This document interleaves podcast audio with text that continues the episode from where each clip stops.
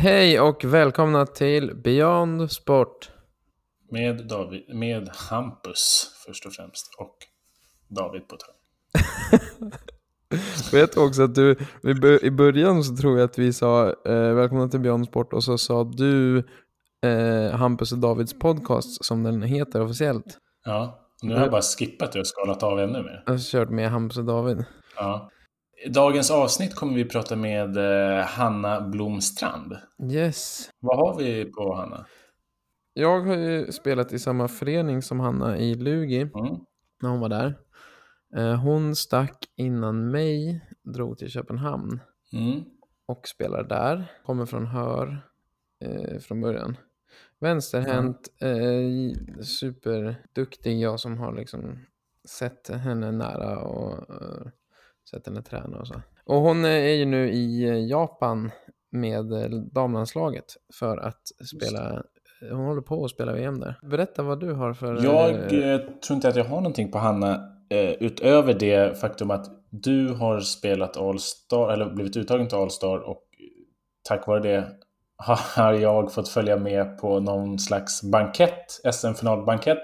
Och eh, framåt småtimmarna på den så har jag hållit fram mitt gula bländpaket och stått och kedjerökt som en dagmamma. Och när jag gjorde det så stod det en annan kille ute och kedjerökte som en grekisk taxichaufför. Vilket jag fick reda på efteråt var Hannas tränare Dragan. Som jag eh, förstår folk tycker mycket om som man gör med tränare. Så jag är lite intresserad av att veta vad hon tycker om honom. Sen kan vi också eh, höra hur det går med danskan. Mm. Jag fattar ju ingen danska överhuvudtaget. Nej. Nu, vi vill ju också bara, med tanke på tidsskillnader och så vidare, så har ju vi eh, gjort en bagarväckning här och är uppe någonstans när folk kommer hem från krogen egentligen bara för att liksom kunna möta Hannas eh, eh, asiatiska tid där, där hon är i Japan. Och vi eh, kan vara så att ljudet kan vara eh, lika burkigt som eh, våra morgonröster. Men det är för att det är som det är. Det är som det är. Vad ska vi eh, hoppa in i eh, the famous David presentation? The presentation comes here. Nej, nej, nej, nej, nej, nej, nej, nej, nej, vänta. Lugn och fin. Just det. En sak vi har glömt, Hampus. We have a public announcement. Yes. Och eh, vi ska ju ut och resa i eh, poddens, eh, vad säger man, och poddens vägnar. Eh, så att vi kommer eh, att behöva ta ett jullov och återkomma igen i början på januari. Så att under själva julhelgen så, så blir det inget. Nej, ni får fira jul utan oss. Eller lyssna på dem som ni först tänkte det här jävla skitavsnittet tänker inte jag lyssna på. Då får man gå tillbaka och lyssna på det skitavsnittet. Precis. Mm. Det blir kul. Vi tar och går in i din underbara presentation av Hanna nu istället då. Eller är det ja. någonting annat vi har glömt? Nej men, eh, god jul! Merry Christmas, We had a ball. Här avslutar vi med ett Happy förhoppningsvis eh, fantastiskt avsnitt med den sympatiska och skjutsiga Hanna Blomstrand. David. Yes. Dagens gäst är född 1996 och heter Hanna Blomstrand. Just nu befinner sig Hanna i Japan med det svenska landslaget i handboll. Låt oss dock ta det från början. Vägen till Japan börjar med att Hanna växte upp i den skånska myllan Hör närmare bestämt. En stad vars namn ändrades 1917 på initiativ av posten. Och växer man upp i en stad med så svagt självförtroende så måste där födas en och annan med starkt sådant. Hanna är absolut en av dessa. Bara det faktum att Hanna är medicinskt diagnostiserad högerhänt men vid 12 års ålder testar att skjuta med vänstern och sedan bestämmer sig för att sedan för att bara börja använda den armen istället vittnar om att Hanna är en person som gör som hon vill och inte som posten vill. Hanna börjar sin karriär i H65 Hör för att i gymnasieåren 2012 lämna till förmån för Sveriges motsvarighet till Jail, Lund och Lugi. Det vinrödas tröja bars upp fem år innan Hanna valde att flytta till Nordens svar på Belgrad, Köpenhamn, för att representera elit och nystartade klubben Köpenhamn Handboll. Hanna är inne på sitt femte stora mästerskap här i Japan och har förutom att operera höften spelat Champions League, fått se trenden från när Hanna gick i sexan, då man hade diadem och scrunchie komma tillbaka. Men också hunnit med att ta sig runt halva jordklotet för att representera Sverige i det 24 världsmästerskapet i handboll för damer. Ett mästerskap som, när det här avsnittet kommer ut, har hunnit med tre matcher i gruppspelet och imorgon står Hanna på planen för att möta Argentina. Med det sagt, välkommen till Beyond Sport, Hanna Felicia Blomstrand. Wow, vad fint! Tack så jättemycket. Det var väldigt målande. Är det någonting att tillägga, Hanna? Var det inte 1914 det ändrade? Nej, nej jag skojar. Jag är jättenöjd. Tack. David, Nordens svar på Belgrad, tänker du på att det röks mycket inomhus i Köpenhamn? Eller Ja, det bejakas ju när någon tänds en cigg. Det är inte en tanke på att det ska stängas eh, liksom, ner uteserveringar. Nej, helst blåsas i andras ansikte också, så det är fantastiskt. Ja. Skulle du säga att det är det sämsta med Köpenhamn, Hanna, eller det bästa? Alltså när man inte, inte röker själv på heltid så är det väl det sämsta får man väl säga. Det är en ganska tydlig skillnad när man kommer hem sen när man inte ser en enda cigg någonstans. Mm. Um, och när man inte luktar liksom eh, fimp morgonen efter? Exakt. Men det mm. kan man ju fort, det kan man göra i Köpenhamn. Ja. ja. Låt oss ta det från början. Ja. Berätta om din liksom, handbollskarriär och eh, det här med att byta hand mm. och vad det berodde på. Mm. Ja, alltså, när jag började som sagt spela i Hör eh, och damlaget i Hör har ju länge, då var det också stort liksom, även om jag tror att de gick upp i allsvenskan när jag var 6-7 år eller någonting. Um, och min faster spelade i det laget som målvakt. Så det var väl bara ett självklart val att välja handboll. Hade en kort karriär inom innebandy också. Uh, men uh, handbollen eh, blev det enda eh, i hör i alla fall för mig. Och eh, körde med högern några år innan eh, ja, men ledet på högernio var alldeles för kort. Så eh, man kom snabbast, snabbast först i ledet på högernie och då var det praktiskt över vänsterhänt. Så det var det. Var, var du liksom naturligt bra med vänsterhand då eller fick du eh, ett halvårs liksom inkörningsperiod? Uh, jag var nog uh, naturligt kass med höger kanske. Så det var inte jättestor skillnad på höger och vänster, vad jag kommer ihåg. Alltså det var typ så, jag kan inte komma ihåg att jag haft någon alltså, bundit hand, högerhanden bakom ryggen eller någonting, utan det blev bara så. Med motivering från tränare att det är inte så många bra vänsterhänta i Skåne nu, så om du, om du tränar på så kanske du kan komma med i Skånelaget. Tänkte jag, kan jag göra. Försöka. Det är ju liksom att tänka utanför boxen av din tränare och av dig där. Exakt. Mm. Um, och sen när du gick till, till Lugi här, var, var det Dragan som fick dit dig eller? Mm, nej men framförallt, alltså det var väl, vi hade ett ganska starkt 96-gäng i Hör. Uh, som ja, kom ganska högt upp i SM-stegen och hade ett väldigt bra lag helt enkelt.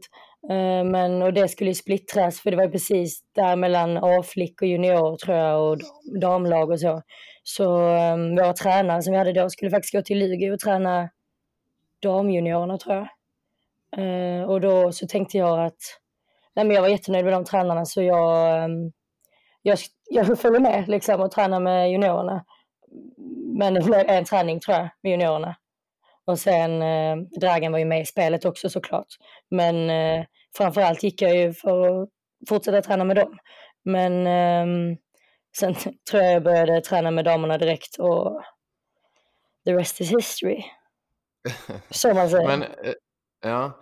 Ja, alltså måste ju också prata lite om Dragan Briljevic här tänker jag då, för då har du varit med i hela det här spektrat eh, som har liksom blivit aktuellt här nu mm. på något sätt. Mm. Eh, om vi ska dra lite bakgrund för de som inte känner till det, så han är tränare för eh, Lugis damlag och fick väl mer eller mindre sparken för några veckor sedan. Eh, mm. När det då pratades om, spekulerades i att, att eh, ungdomsspelarna har stuckit till andra klubbar eller slutat mm. för att de inte pallade med honom.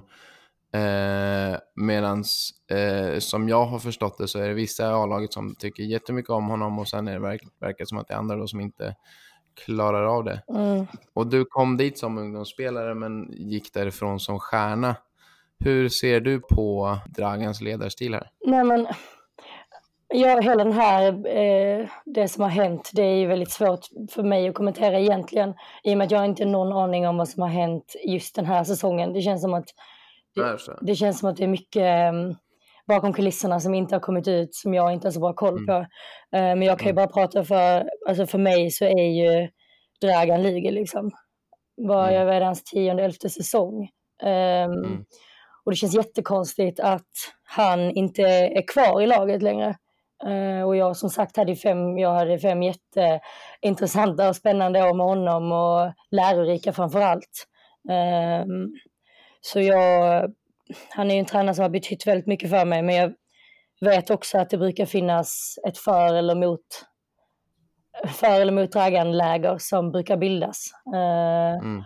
Och det är det som är så konstigt nu för den här gången verkar det verkligen som att hela Lugis damlag stöttar Dragan.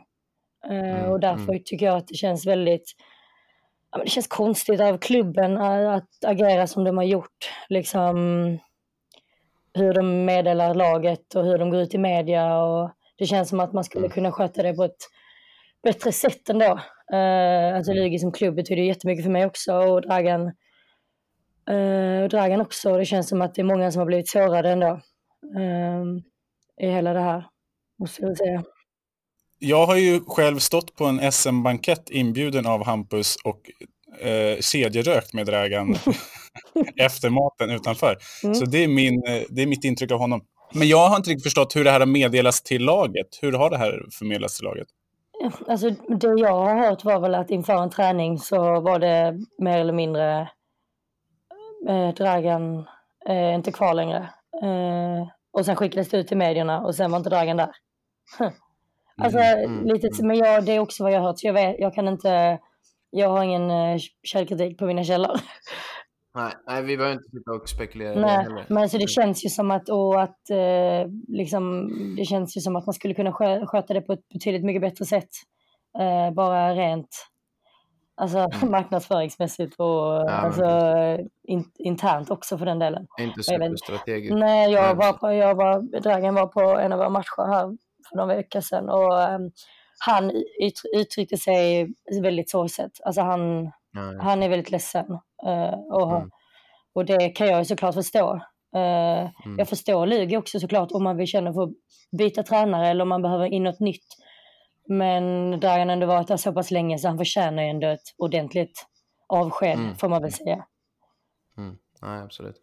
Och, men, men eh, och jag eh, har ju också förstått att han har gjort ett superbra jobb och det mm. känns som att den tiden han har varit där så har ju Lugis damlag verkligen utvecklats och Gud, ja. Eh, fått ut jättemånga spelare upp till landslaget och eh, eh vidare. Ja, och måste ändå, mm, en av, en av Dragons styrkor är verkligen ja, men, låta unga spelare få ta plats och ge dem självförtroende och um, bland mig där bland liksom och framförallt mm. tränings, alltså hans träningsregister är helt sinnessjukt. Eh, jag tror inte jag haft med honom två träningar som har varit likadana.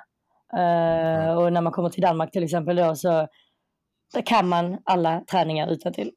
Man vet vad som mm. händer på måndagsträningen och tisdagsträningen. Och, och det tycker jag har gjort jättemycket för ens, jag menar, alltså ens handbollsförståelse, en spelförståelse och bara komma i nya situationer och träna på hur man ska reagera där och agera. Och eh, väl, man blir väldigt inspirerad. Det måste jag ändå. Det är all cred till honom där. Mm. En annan tränare som du har just nu här i, eh, i landslaget, eh, Henrik Signell, mm. Han skrev ju en, eh, nu får du tycka till mycket om tränare som står dig nära och det är lite svårt mm. kanske, men han skrev en, en debattartikel om det här med att ha varit med om att tjejer inte tar för sig som de kanske borde. Mm. Pratade ni någonting, ni som är med i landslaget, om det här när, när det kom ut? Eller är det någonting du känner igen eller förstår? Finns det någon substans i det här? Uh, ja, men det tycker jag väl överlag. Uh, vi, jag kan inte, vi har inte pratat om det så mycket uh, när det kom ut. Jag, då, jag vet inte, det var mitt uppe i säsongen då. Ehm, men jag kan absolut, bara av att höra det du säger nu, så känns det som att det kan stämma. Eh, att det är väldigt mycket gå i led och passa in i laget, inte sticka ut. Mm. där killar kanske har lite mer, nu antar jag också, men sticka ut, göra det coola, liksom träna på det här så att mm. det ser bra ut på match eller träning. Och, Och den, liksom, mm. den drivkraften tror jag, eller den finns ju säkert bland kvinnor och tjejer idag, men det är inte den som, som styr, kanske. Mm. Skulle jag nog ändå, sen är det individuellt, men det skulle jag nog ändå kunna, att det är liksom, när man var liten och yngre så var det pinsamt att göra någonting så att man fick extra uppmärksamhet. Mm. Och det vet jag inte hur ni känt när ni, det var väl, bara, det var väl kul, eller? Jo, jag, jag, tyck, jag, tycker det är superintressant det du säger med att, att, eller jag kan i alla fall härröra till mig själv att jag har haft en tränare som har varit superpositiv till att så här, men testa, våga göra någonting otänkbart eller gör vad du vill. typ. Resten mm. har varit ganska strikta med vad man får göra och inte göra. Och I arbetslivet så kan jag säga att de gångerna jag har fått vara mer kreativ och jag har mm. haft förtroende för att göra det jag vill, det är de gångerna jag har vuxit för att jag har tillåtit, så här klyschigt, då, men tillåtit att göra misstag och då yeah. har jag växt. Och, och det låter lite som att Ja, vadå? Fortsätt. Nej, men också typ bara hitta inspiration utifrån. Alltså, att mm, inte bara exakt. gå i en ram. Mm, precis. Och då är det mycket lättare att hitta sin egen stil också på vem man är och hur man vill spela och hur man funkar själv. Snarare än att man blir så okej, okay, jag ska vara så här. Mm. Ja, och, jag, och framförallt med handboll så tycker jag ju att det roliga är ju de här 2-2-avtalen när man gör det lilla extra eller någon japan eller något sånt kul där man kan träna och man märker att efter vi har tränat några gånger så sitter det liksom och göra det på match. Det är ju typ den bästa glädjen och det är därför man, eller jag i alla fall, tränar och spelar handboll liksom för att kunna se att man kan lära sig nya grejer. Men jag vet inte om det är svårt också när man helt plötsligt är en vux, alltså vuxen handbollsspelare och inte kan, och man ska vara färdigutvecklad att liksom, oj nu har jag inte gått utanför boxen någon gång på mina 15 alltså, handbollsår som jag har spelat mm. och sen så helt plötsligt från ingenstans. Där känns det som att om man tidigare på ungdomsspelare i alla fall kan försöka och framförallt eh, tjejer då kanske liksom, ja men våga göra det här lilla, lite extra, våga träna, stå, stå liksom och knorra lite och tumskruva innan träningen börjar eller ge tio minuter på träningen för det. Men det är ju ingen, alltså det är så sjukt, inför match så sitter ju alla, alla och de flesta lagen, damlagen, sitter ju på bänken och väntar tills uppvärmningen drar igång. Mm. Det är inte många, alltså jag, jag tänker det är många herrlag och killag för den delen som står och tränar på den här lilla flippen mm. eller tränar på liksom, straffkastet som är lite häftigt. Typ. Ja men typ. Och det, alltså den, det finns typ inte, eller det finns ju, men det är väldigt mm. små, alltså det är små mängder. Och hade vi... Gör du det då? Jag försöker, jag jobbar, jag försöker eh, knorra lite varje uppvärmning. Ja. Det är inte mm. matchredo än. Eller kanske, ja, nu när vi ändå snackar om det. Men jag tycker det är superintressant med det här, de här avtalen man har. Och det, det jag tolkar det som du säger är kanske att, att det ska finnas trygghet i, i sig själv och med de man spelar med om man ska komma överens, alltså 2-2 i ett lag. Eller, jag tänker mig bara som en så här, om det inte finns den tryggheten, då, kan man inte, då kanske man inte vågar ta det här, ja men du, vi gör den här, eller till exempel, jag menar bara typ så här, som vänner också, att ha en trygghet i att säga, jag och Hampus kan vara på Systembolaget så håller han upp en vinflaska. Jag, det räcker med att jag bara tittar på honom så vet han att det är fel vinflaska. Jag ja. tänker mig att det funkar så med relationer i handboll också, att man måste vara trygg i att visa man vill och inte vill. Ja men verkligen, och, men, jo men så är det. Eh, men också typ att det här glädjen typ när man har snackat om någonting, provat lite på träning och sen på match så får man ett enkelt snyggt mål på det. Det blir liksom verkligen mm. dubbel glädje. Mm. Ja, jag kan verkligen relatera till det här. Jag tror det är universellt också. Alltså, ja. Bara när jag är här, i, där jag spelar nu, så har vi liksom noll spontanitet i tillåten egentligen. Och det ska liksom vara in i ramen och det är ju supertråkigt. Ja, ja nej, jag håller helt med. Vi, det är faktiskt, vi hade det lite, förra året var det också lite mer fyrkantigt men i år känns det som, vårt lag i Köpenhamn nu, eh, mycket mer eh, Ja, men det, det öppnar upp lite för ens egna initiativ också tycker jag, även om man såklart ska vara i ramen, för där kan jag ibland falla ur. um, mm. Men att man ändå liksom ska kunna, det gör, gör, att man blir mycket mer avslappnad i sitt spel och typ njuter av det och det är väl då man är bäst. Ja men verkligen. I alla fall jag. Men får jag fråga dig då, om, om, du, om du ser någon spelare som kanske chokar eller om du själv har varit sån som har varit så här, att, att det fastnar för det för att man tänker för mycket. Har du varit i en sån situation, mm. eller period så att säga? Jo men det tror jag absolut. Eh, eller jag, ehm, alltså som spelare har jag absolut så att tänker man för mycket så ibland är det bara bättre att gå på, alltså, på känsla. Då blir det ofta Men har du varit inne i någon, i, i någon form av mörker eller liksom en svacka, en längre svacka i din karriär? Mm. Inte, nej men, inte under lång, lång period, men det är väl klart man har eh, alltså svackor. Det har man, det är ju naturligt liksom. Eh, mm. att, och det, framförallt tror jag efter att man flyttade utomlands, eh, när allting kretsade kring handbollen. Eh, att det blir, jag ju flyttat för att spela handboll och om inte handbollen går bra så känns det ju som att man kommer in i ett mörker på något sätt. Mm. Eh, och att det blir så lätt att man går och övertänker på de här små, äh, små detaljer och träningar och matcher och istället för att ta sig upp till ljuset, att man bara liksom gräver sig djupare ner. Men eh, det känns, eh, vi har ju både mental tränare här i, med landslaget som man kan ta kontakt med och som jag faktiskt har pratat väldigt mycket med när jag flyttade till Köpenhamn bara för att man behöver bara få ut det och man behöver liksom, det betyder, det är liksom, det är små saker man behöver man förmedla, förstora allting när man har så mycket tid. Mm. Uh, men överlag så, jag vet inte, min spelstil är ofta, den är väldigt rak på. Uh, så ofta så behöver jag bara köra, jag vill liksom kötta inom citationstecken för att mm, liksom komma mm, in i mm. det. Och det är ju ganska, det är skönt för mig att kunna ha den spelstilen för det är ganska lätt att kunna, det här finliret ibland är kanske inte jag så beroende av utan jag ska bara liksom tempoväxla och köra, köra ja men lite typ ändå, får jag väl säga.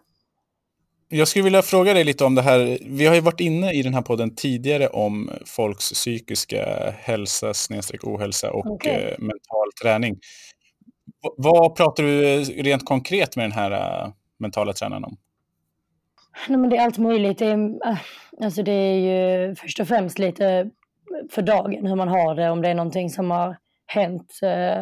Men oftast är det ju jag brukar i alla fall gå och samla på mig grejer. Man går och samlar på sig små saker som man trycker undan. Liksom det kan vara små grejer mm. kring träning eller kring match eller prestation. Och, så. och sen tänker man att det inte är så farligt och sen så behöver man bara fem sekunder när man pratar med den här med mentala tränaren och så, och så är det nästan som att man alltså, eh, alltså kastar ut sig det som man har tänkt länge. Och jag tror överlag bara att man behöver någon objektiv som inte är i ens handbollsvärld eh, som kan hjälpa en att liksom se klart. Ja men, ja men typ se klart liksom. För att man själv tänker liksom 500 varv och ibland så är det bara så här, men Hanna vad betyder det egentligen? Ja, nej, ingenting. Nej, just det. Typ. Eller vad, vad, är, vad, varför känner du så? Jag vet inte. Så, nej, det mm. är kanske mm. inte så farligt. Liksom. Jag tycker att det är intressant just med det där som du säger, att man samlar på sig. Jag tycker att det finns samma sorts människor, alltså privat, men också i idrottsvärlden, hur man, där kanske jag och Hampus, Hampus brukar tracka mig för att jag är en person som kör mycket prehab-övningar alltså, på gym med rotatorkupp och sånt. Och jag tänker mig att det är samma sak med idrottare, att en del samlar på sig likt Lyxfällan, eh, liksom här, skador som de samlar på sig. Tänker jag får ta hand om det här sen. Och så gör de ingenting åt det mm. förrän Kronofogden är där. Och helt plötsligt så måste man operera en höft. Mm. Exakt. Jag vet, om, jag vet inte om det var så för dig, men fanns det någonting annat du kunde ha gjort? Eller väntade du in Kronofogden med dina skador? Eller hur var det? Eh, höften, var det ju, höften var det nog lite så. Sex år gick jag med höften, ungefär. Ja. Uh, tills det var ungefär så, nu kan jag inte, nu kan jag inte stå, jag kan inte sitta, jag kan inte ligga. Jag kan mm. spela handboll men inte superbra. Så då var det liksom, jag var tvungen att göra det. Jag skulle nog också, hade man tittat tillbaka så skulle man gjort det tidigare. Men uh, det är jättesvårt att säga, alltså när är det rätt tid, alltså när är det rätt tid för det liksom? Det är ju mm. bara, kommer hela tiden nya viktiga matcher, nya mästerskap, nya liksom, hade jag suttit här i Japan på det här hotellrummet om jag hade opererat min höft tidigare. Vad eh, gjorde de då? Eh, de, de jag skap, tog ut en eh, ben, eh, benbit som låg i höftkammen som inte skulle vara där. Eh, och skapade både höftkula och höftkam. Kan man säga. Skönt. Kommer det här när du är liksom 65 sen komma tillbaka på dig då eller? Mm, alltså jag har typ eh, grov artros i höften. Mm. Som har kommit ifrån det. Så det kommer väl, de har väl sagt att jag förmodligen kommer behöva byta höftkulor någon gång. Men de gör tydligen inte det på 23-åringar. Så eh, jag, får, eh, jag får vänta några år framåt.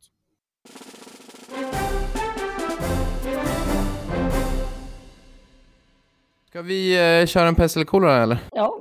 Ja. Hanna, är du förstådd med vad pest eller kolera är för någonting? Eh, jag tror jag vet innebörden ja.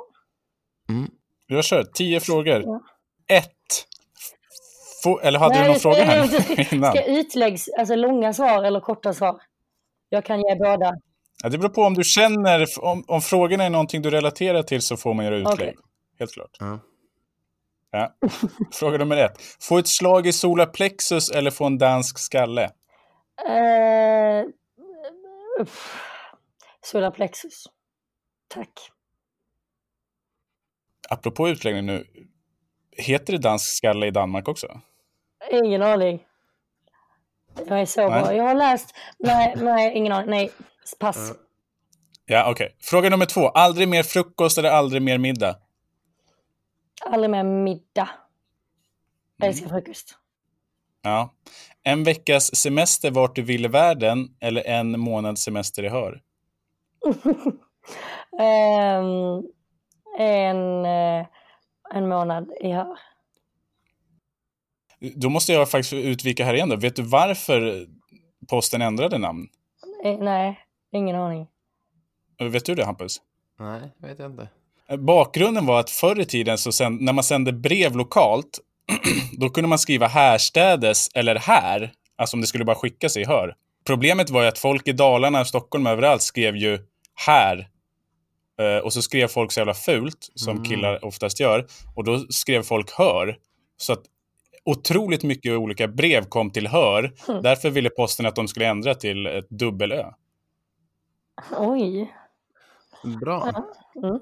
Ja, mitt efternamn kommer ju också från att när min eh, farmor och farfar var unga så bodde det tre stycken som hette Johansson i samma uppgång. Liksom.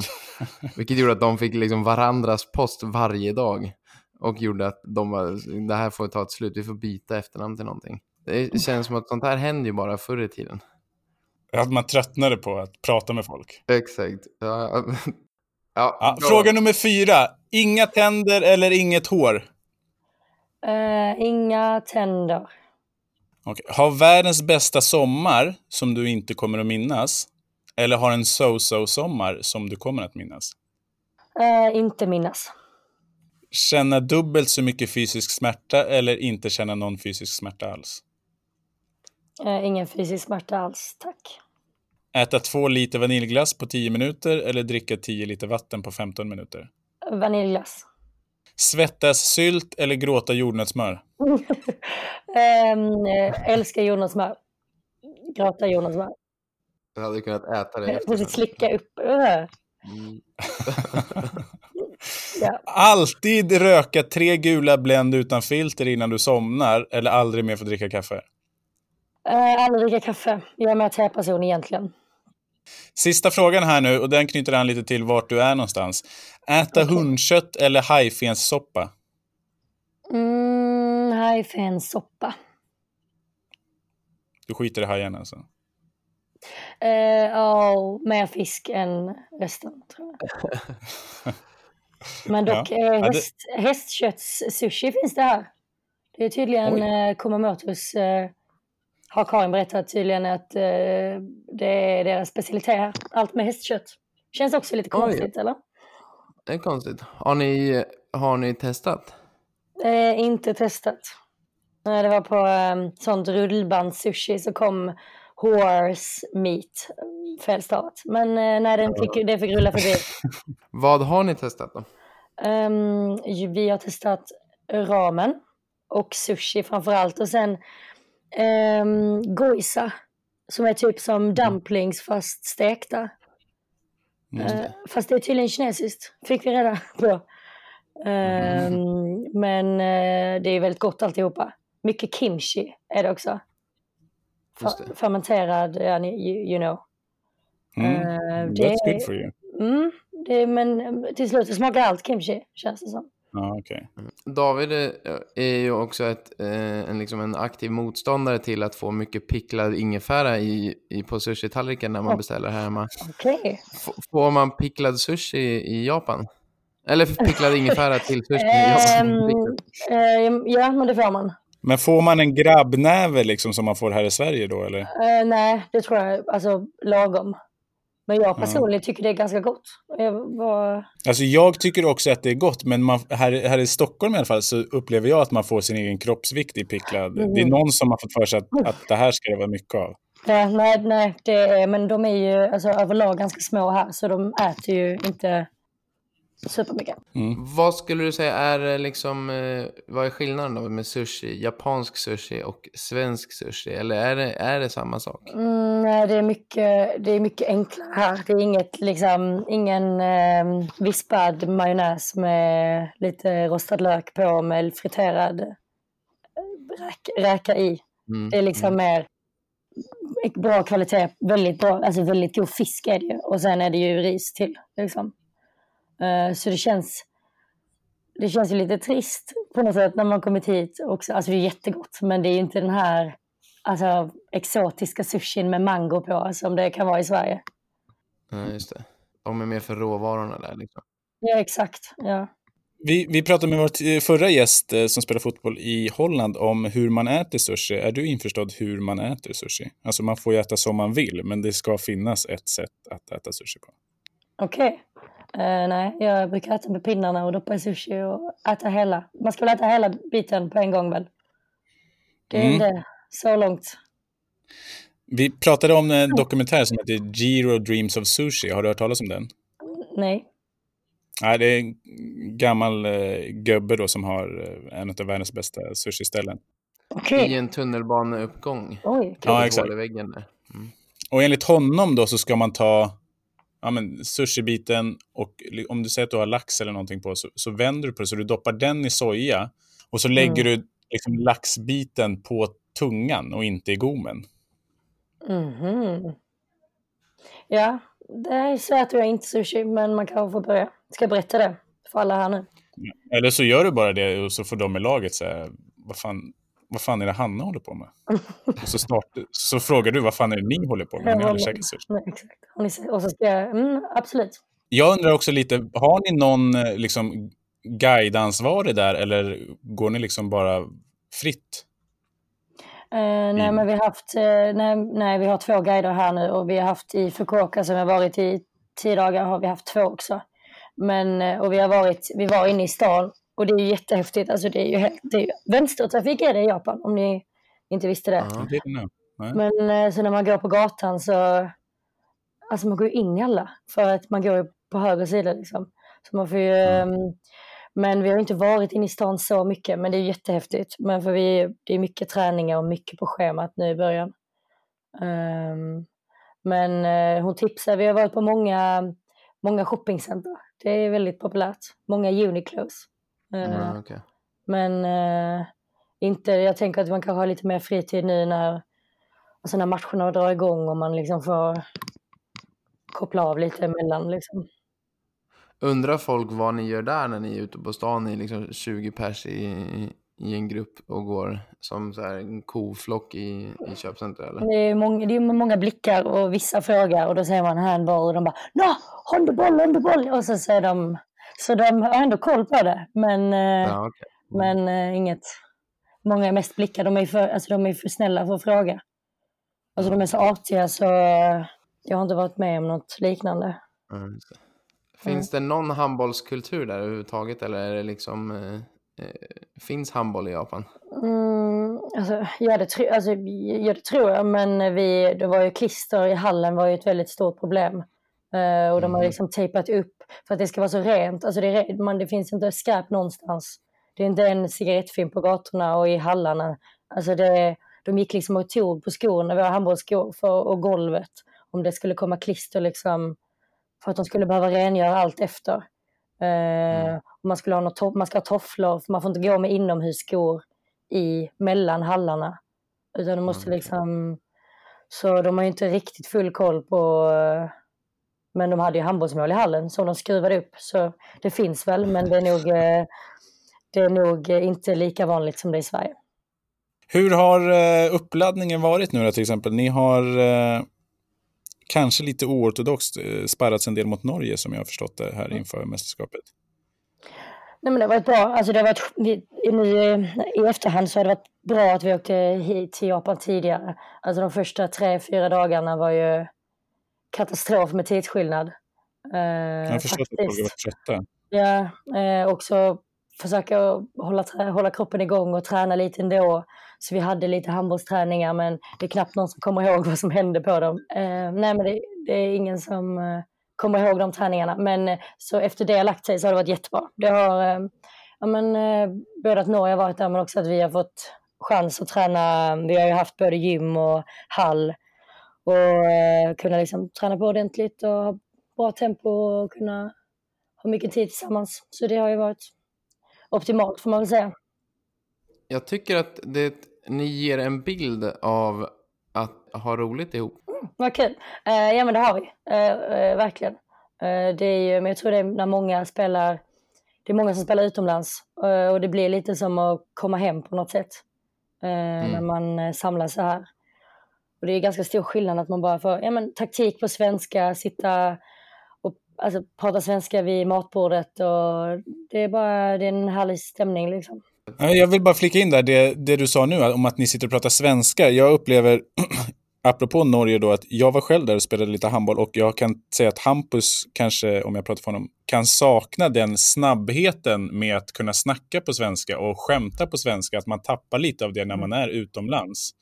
Och att eh, man, man blir, eller jag upplevde att jag var inte riktigt mig själv om jag inte kunde vara rapp i käften och det kände jag att jag inte riktigt kunde. Är det någonting du saknar eller misstolkar det dig?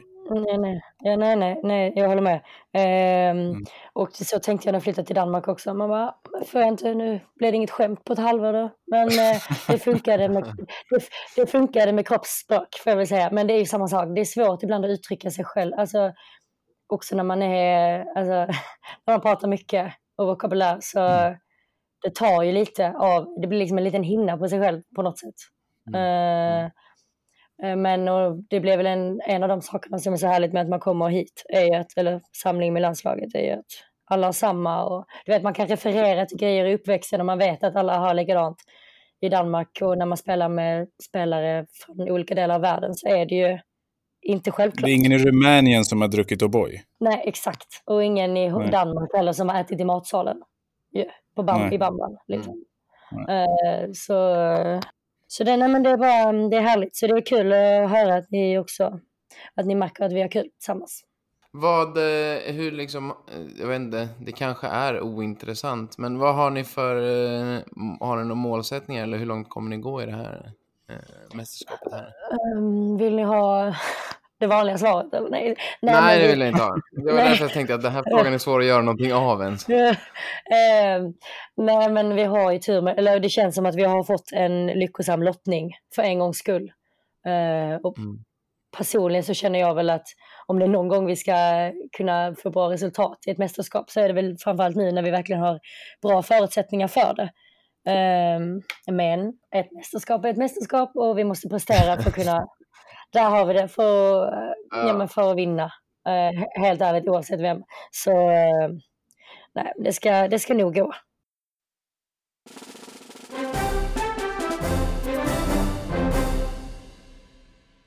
Om vi ska, efter Lugi här så um, gick du till Köpenhamn Mm. Hur eh, gick den här processen och varför blev det Danmark? Hade du några andra länder eller lag som var spännande? Um, men det var... Eh, Köpenhamn var väl de som visade tydligast intresse och det var väl en av de sakerna som gjorde att det blev självklart var att jag vill gå till ett lag där det finns en plan för mig och där det finns ett intresse för mig som handbollsspelare. Uh, och det var väl det som gjorde att, Köpenhamn, att det blev Köpenhamn. Men det var väl några lag i Rumänien tror jag också. Eh, mm. och Ungern, men det kändes, jag tror att det kändes som ett lite för stort steg för mig eh, som 20-åring, måste jag mm. säga. Eh, men, eh, nej, men jag är nöjd. Jag har precis eh, skrivit på tre nya år för Köpenhamn också. Så. Grattis. Grattis. Tack. Ja, roligt. Det känns bra. Mm. Och, och grattis till att du har, du har som jag har förstått, om jag har gjort min research rätt, läst din första bok på danska. Ja, ja det jag, försöker, jag försöker hålla danskan vid liv och svenskan vid liv och engelskan vid liv samtidigt. Mm. Det är faktiskt, man blir ganska språkförvirrad måste jag säga. Mm, så jag tänker att man växlar och man växlar lite böcker fram och tillbaka så. Det är bra. Snackar du danska i laget då eller alltså, försöker du dra till med riktig accent och så vidare? Ja men det försöker jag verkligen. Men det, det är svårt. Eh, alltså D, dubbel T och dubbel D är eh, en utmaning. Får man säga. Blöta, men, blöta T'n. Exakt. Inte eh, nej, nej, det, nej alltså, det kan fastna i halsen, helt ärligt. Men eh, vi, har ju, vi har ju tre holländskor och en tyska och en polska i vårt lag, så det blir mycket engelska också. Eh, och fem, eller, vi är fem svenskar också, så det blir ju en kom, skandinaviska en kombination med engelska. Men jag vill ju jag vill verkligen, jag tycker det är viktigt för mig att lära, lära mig språket. Uh, och att det är häftigt att kunna flera språk. Så jag försöker verkligen att träna på det. Mm. Kjell Enhager, eh, som är en så här, känd mental coach, eh, som jag tycker är superbra. Han pratar om problemet med att ha uppnått mål i sitt liv eh, och att den stegen man har klättrat på för att komma dit inte går högre. Mm. Har du känt av någonting när du har kommit till Köpenhamn där, att din steg har tagit slut eller Eh, har du hittat en ny stege att klättra på? Men, men, ja, överlag som handbollsspelare så tror jag väl, alltså man är så målinriktad. Um, så att det hela tiden uppkommer nya mål. Och det, och, men jag känner verkligen som du säger, att när man flyttade till Köpenhamn så var det, man har drömt i hela sitt liv om att flytta utomlands. Uh, och sen stod man där som 20-åring och bara, ja. Mm. Uh, och liksom bara, vad, vad betyder det egentligen? Och jag tror bara det var viktigt för mig framförallt att njuta i stunden, eller fortfarande njuta i stunden, att man gör någonting som är få förunnat. Eh, och liksom ta vara på den tiden. Eh, men såklart, jag hade inte kunnat spela handboll om jag bara hade liksom famlat runt. Eh, så det gäller väl att man hela tiden får skapa nya mål. Eh, och liksom, som ni sa innan, så Champions League fick jag också prova på där förra året. Och det blir ett nytt mål. Att det vill man ju göra igen och man vill ju prestera på ännu högre nivå och kunna liksom fortsätta se hur stora kliv man kan ta. Liksom. Så det blir väl mer ett mm. sånt mål än kanske liksom, att flytta till ett annat lag. Kanske det inte är lika mycket längre. Om ni förstår vad jag menar. Det blir lite mm, flummigt mm. svar men om, du vill, om vi ska bli lite mer konkreta, om du ska se tillbaka på din karriär och du är 65 år gammal och din höft är bättre än vad du mm. tänker dig. Mm. Vad vill du se att du har uppnått i din karriär då? Alltså jag skulle nog vilja eh, spela Champions League och försöka vinna också. Mm. Eh, det känns ändå som det största av det största faktiskt, för mig. Um, I alla fall försöka ta mig dit. Sen är det inte sagt att det går alltid, men uh, det är nog det största. Sen så mm. har jag lovat mig själv att jag ska spela handboll så länge som jag älskar det och tycker det är kul. Uh, och jag ska inte fortsätta tills jag har klarat alla mina mål. Om ni förstår vad jag menar. Jag menar, äh, menar du att du kommer sluta när du har klarat dina mål eller tvärtom att du kommer att, göra som äh, Zlatan och försöka spela tills du har vunnit Champions League? Liksom? Äh, nej, men jag kommer, nog, nej, men jag kommer nog sluta den dagen jag inte tycker det är kul att spela handboll längre. Oavsett vart jag är. Mm. Tror jag faktiskt. För att det är det som är grunden i mitt handbollsspelande och det är därför jag gör det. Mm. Och då blir det kanske en naturlig övergång då om vad man gör efter karriären. Och jag vet med mig att du har läst om Förintelsens historia, även om det var en liten kurs kanske. Och eh, någon juridisk, ju, juridisk överblicksgrej, eller vad det var? Ja, ja Jöken, exakt. Mm. Eh, det här, folk som har bott och eh, liksom kommer från Lund som säger Jöken som om att det är någonting som alla ska allmän... veta, där är det mest household som finns. är det inte allmänbildning, Jöken? Juridisk översiktskurs. Uh, nej men exakt. Nej men jag um, har provat på lite smågrejer under, uh, än så länge under min handbollskarriär. Bara för att jag tror på att göra fler grejer än att bara spela handboll. Uh, jag behöver också någonting att koppla bort liksom handbollen. och koppla på Hanna. Um, men just nu så tror jag att det lutar mot psykologutbildning faktiskt efter. I Köpenhamn då eller, eh, eller ja, du tänker eh, efter helt och mm. hållet? Mm. Men jag har kollat nu, innan så kände jag mig inte riktigt bekväm i språket eh, i och med att mm. det är på danska. Och att jag visste inte hur lång tid jag skulle vara där. Men, eh, nej, men det skulle absolut vara möjligt för mig och jag ska bara komma på hur man söker i Danmark. Eh, man måste, man måste föra över sina betyg och sånt så det får jag väl kolla in på. Men, eh, mm. nej, men annars har jag väl tänkt att jag ska njuta av handbollen och kanske plugga högskoleprovet får jag nog göra under tiden. Så att man kan försöka komma in på eh, sin utbildning när man slutar. Mm. Är det många i laget som eh, pluggar eller eh, sitter folk bara och käkar brunch och eh, dricker kaffe på förmiddagarna? Mm. Nej, men det är ganska blandad ålder ju, så det är ju, men det är ganska många som pluggar. Eh, sen är det någon som jobbar också faktiskt. Mm. Um, men eh, det är en del som göttar sig också och dricka kaffe. Um, och apropå det här då, vi har en liten stående fråga om vilken din death row måltid skulle vara om du fick välja uh, din sista måltid. Mm.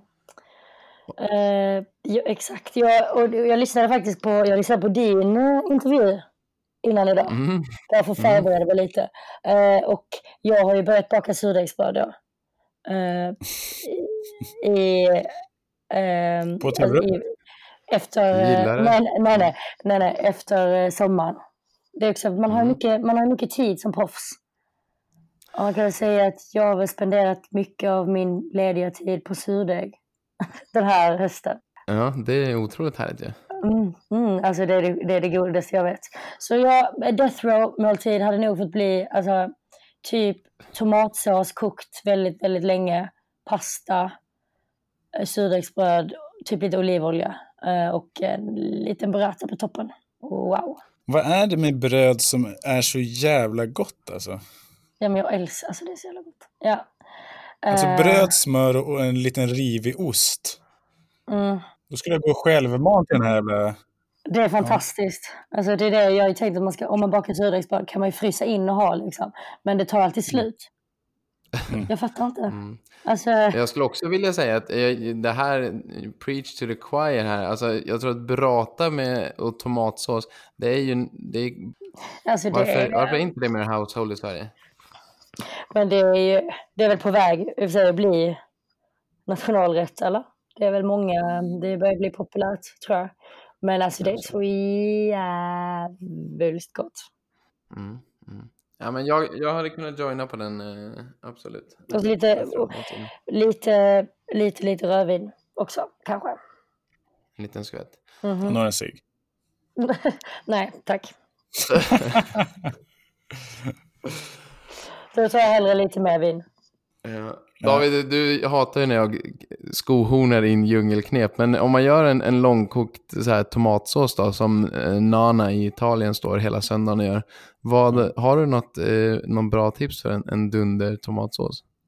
Alltså det enda så djungelknepet, jag vet inte hur household det är, men någonting som tomat mår väldigt bra av och som framhävs av smak är just lite socker. Jag brukar ha lite honung i min, det är väldigt gott. Ja, exakt. Och alltså, mm. de, de, de, går in både i potatismos och tomatsås, gör en nypa socker underverk. Mm. Så att, men honung funkar minst lika bra skulle jag tänka mig. Men eh, det är väl kanske ett djungelknep då. Mm. Jättebra djungelknep. Ja, men jag är lite intresserad av, eh, av mörker, Hanna. Mm. Och jag frågade dig vad du skulle vilja se tillbaka på på ditt liv med din karriär.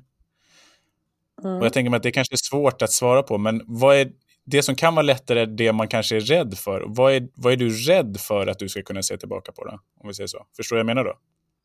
Mm. Bra fråga. Eh, alltså rädd som i liksom... Jag tänker så här, när du ser tillbaka på ditt liv med din trasiga höft, så om du ser tillbaka på ditt liv så säger det här skulle jag vara rädd för om mitt liv hade sett ut så här. Nej men jag antar att man inte, eller jag vill nog, jag vill inte se tillbaka och känna att jag inte har vågat någonting. Alltså att man tar det säkra valet för det osäkra kanske. Um, och det, att man tittar tillbaka och ångrar sig att man inte var lat, för det tror jag inte det kommer vara, men liksom bekväm, typ. Och det är jag nog rädd för att det är lätt att bli som handbollsspelare. Mm. Uh, var det tråkigt, jättetråkigt svar? Nej, jag tycker det är superbra. Jag tycker mig kunna se det i, ja, men just i så här handbollsspelare eller, och just i jobb. Jag har jobbat på många olika jobb där folk har jobbat alldeles för länge och det är för att mm. de är rädda för att börja någon annanstans, för de vet mm. inte. Mm. Så här, men jag känner ju till alla som jobbar här och säger, ja, men mm, du trivs exakt. ju här, ska du inte utmana dig själv då? Liksom? Ja, ja alltså, det tror jag nog. Vad skulle det innebära för dig konkret att inte vara rädd då? Mm, jag tror alltså, jag, när jag tänker på det själv så tror jag att jag tänker på alltså, klubbval faktiskt. Uh, nu har jag ju valt att skriva på igen uh, för, att det, för, att det, för att det känns bra. uh, nej men det är ju alltid med timing också såklart. jag tror det handlar om att kanske våga mm. mot det okända lite. Att inte, för man, jag är väl, eller man är så duktig mm. på att hela tiden du vet, höra efter och läsa och liksom, nej men det är nog lite, det känns lite läskigt och så blir man bara stillastående istället. Att man kanske, eller jag tror att jag personligen skulle växa väldigt mycket av att kasta mig ut i någonting som jag i efterhand får liksom ordna upp. Om ni mm. förstår vad jag menar också. Mm. Mm. Ja, det var oj. Och läskigt sätt att se på det. Poetiskt. Ja. Nej, men jag tror det. Jo, men då kan man ju, det kan man också implementera på vad man vill i handbolls... Verkligen. Vad har du för eh, liksom, drömställe att åka till sen då? Om du ska eh, kasta dig ut i någonting du fångar. Eh, just nu så... Nej, men, det är så härligt med franska rivieran, eller vad tycker du? Ja, men, eh, ja och nej. Men det, ja, jag förstår. Det, absolut, det är ju någonting som du, eh, absolut ett drömställe att göra som man sen får ångra. Så den, den eh... ja, men alltså, så, jag vet inte nu när Sabina Jakobsen är med i Moskva också. Mm. Alltså jag, det hade nog varit sjukt, eh, alltså häftigt också. Mm. Tror jag. Eh, det är nog inte alls som man tänker att det ska vara. Jag får bara flika in där att om, om du ska till Rivieran, Hanna, så är det en smidig övergång från att du sitter och äter en eh, lunch i Köpenhamn och får rök blåst i ansiktet från cigaretter så är det en smidig övergång om du flyttar till Frankrike också. För där är, är det ingen som frågar.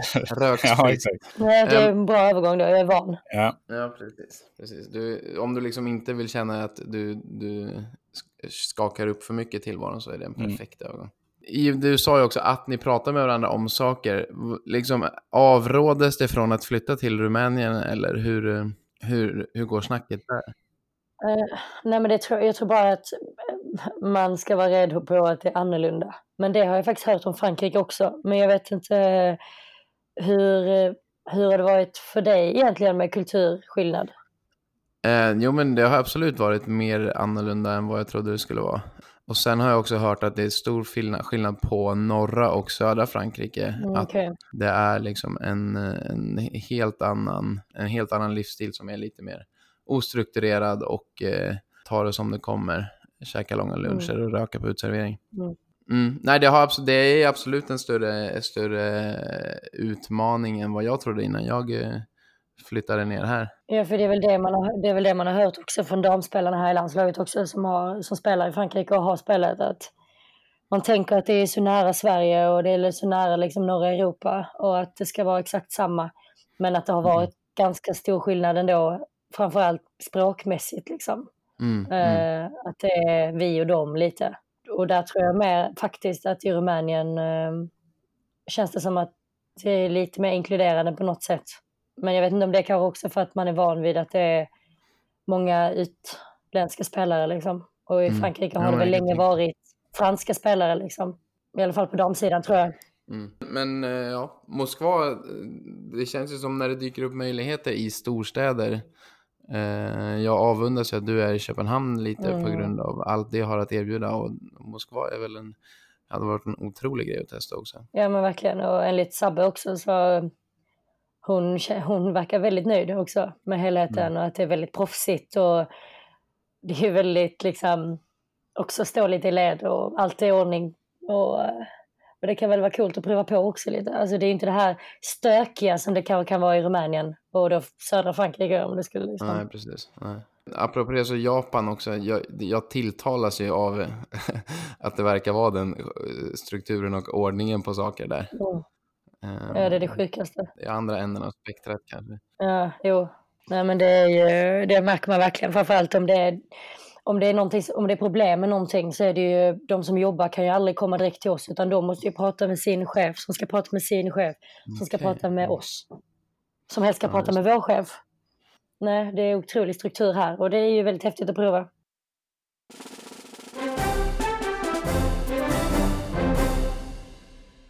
Har du något vägskäl i ditt liv?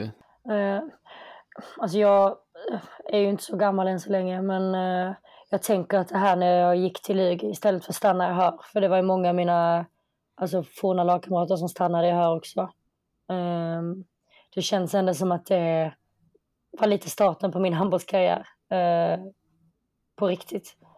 Mm. Uh, sen vet man ju inte, man skulle inte kunna säga hur det hade varit om jag hade stannat i Hör. De har ju ett relativt bra damlag idag också. Mm. Um, men um, det känns ändå som att det var, ett, det var ett viktigt beslut som togs. Ja, men eh, det tror jag på. Och det är ju som sagt många i det Lugi-laget som har, eh, som har utvecklats. Och gått vidare liksom. Ja, men verkligen, mm. verkligen. Sen hade du kanske inte tagit göken heller då om du hade stannat kvar här. Mm, exakt.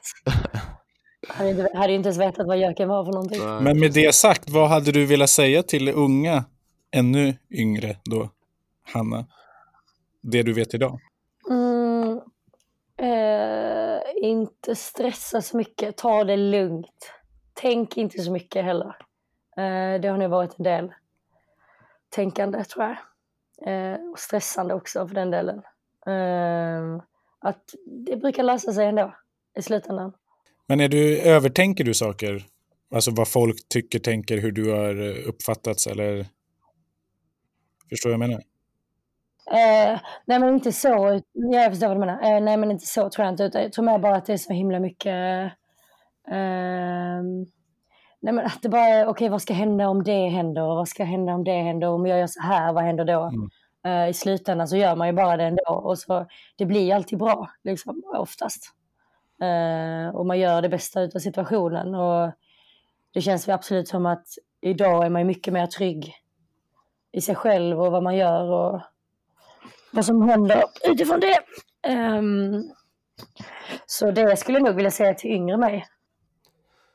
Uh, jag tänker att vi ska börja runda av, men vi har ju en fråga som vi ställer till alla i övrigt, som jag är väldigt intresserad av. Du har varit i Danmark, du har varit i Hör, i Lugi, tagit Jöken. Hur funkar det i alla de här olika ställena med kissrumsklimatet? Är du för en öppen kisspolicy policy i duschrum? Um, jag vet, uh, nej, det, jag, nej, det tror jag inte. uh, det är väl uh, ganska konservativa tankar mm. om kissreglerna, tror jag. mm. ha, kissas det överhuvudtaget i omklädningsrum, duschar? I Köpenhamn? Inte i de lagen jag har spelat. Det har varit, eh, jag tror det är väl många i Östeuropa som gör det, tror jag, damer också. Men det är, oftast får man ju, jag tror man får lite blickar och lär sig ganska snabbt att det är ingen, inte någonting som, eh, som görs. Nej, det är tydligt. Ni har ingenting på böteslistan för att, eh, för att undvika det, som i, vår gäst hade här förra veckan? Nej, det... Det behövs inte. Nej. Nej. Alright, Hanna, då eh, får vi tacka dig så jättemycket för att du ställde upp och önska dig och er lycka ja. till i eh, VM i Japan. Lycka till. Mm, tack så jättemycket. Ja, tack. Det var, tack så jättemycket för att jag fick joina.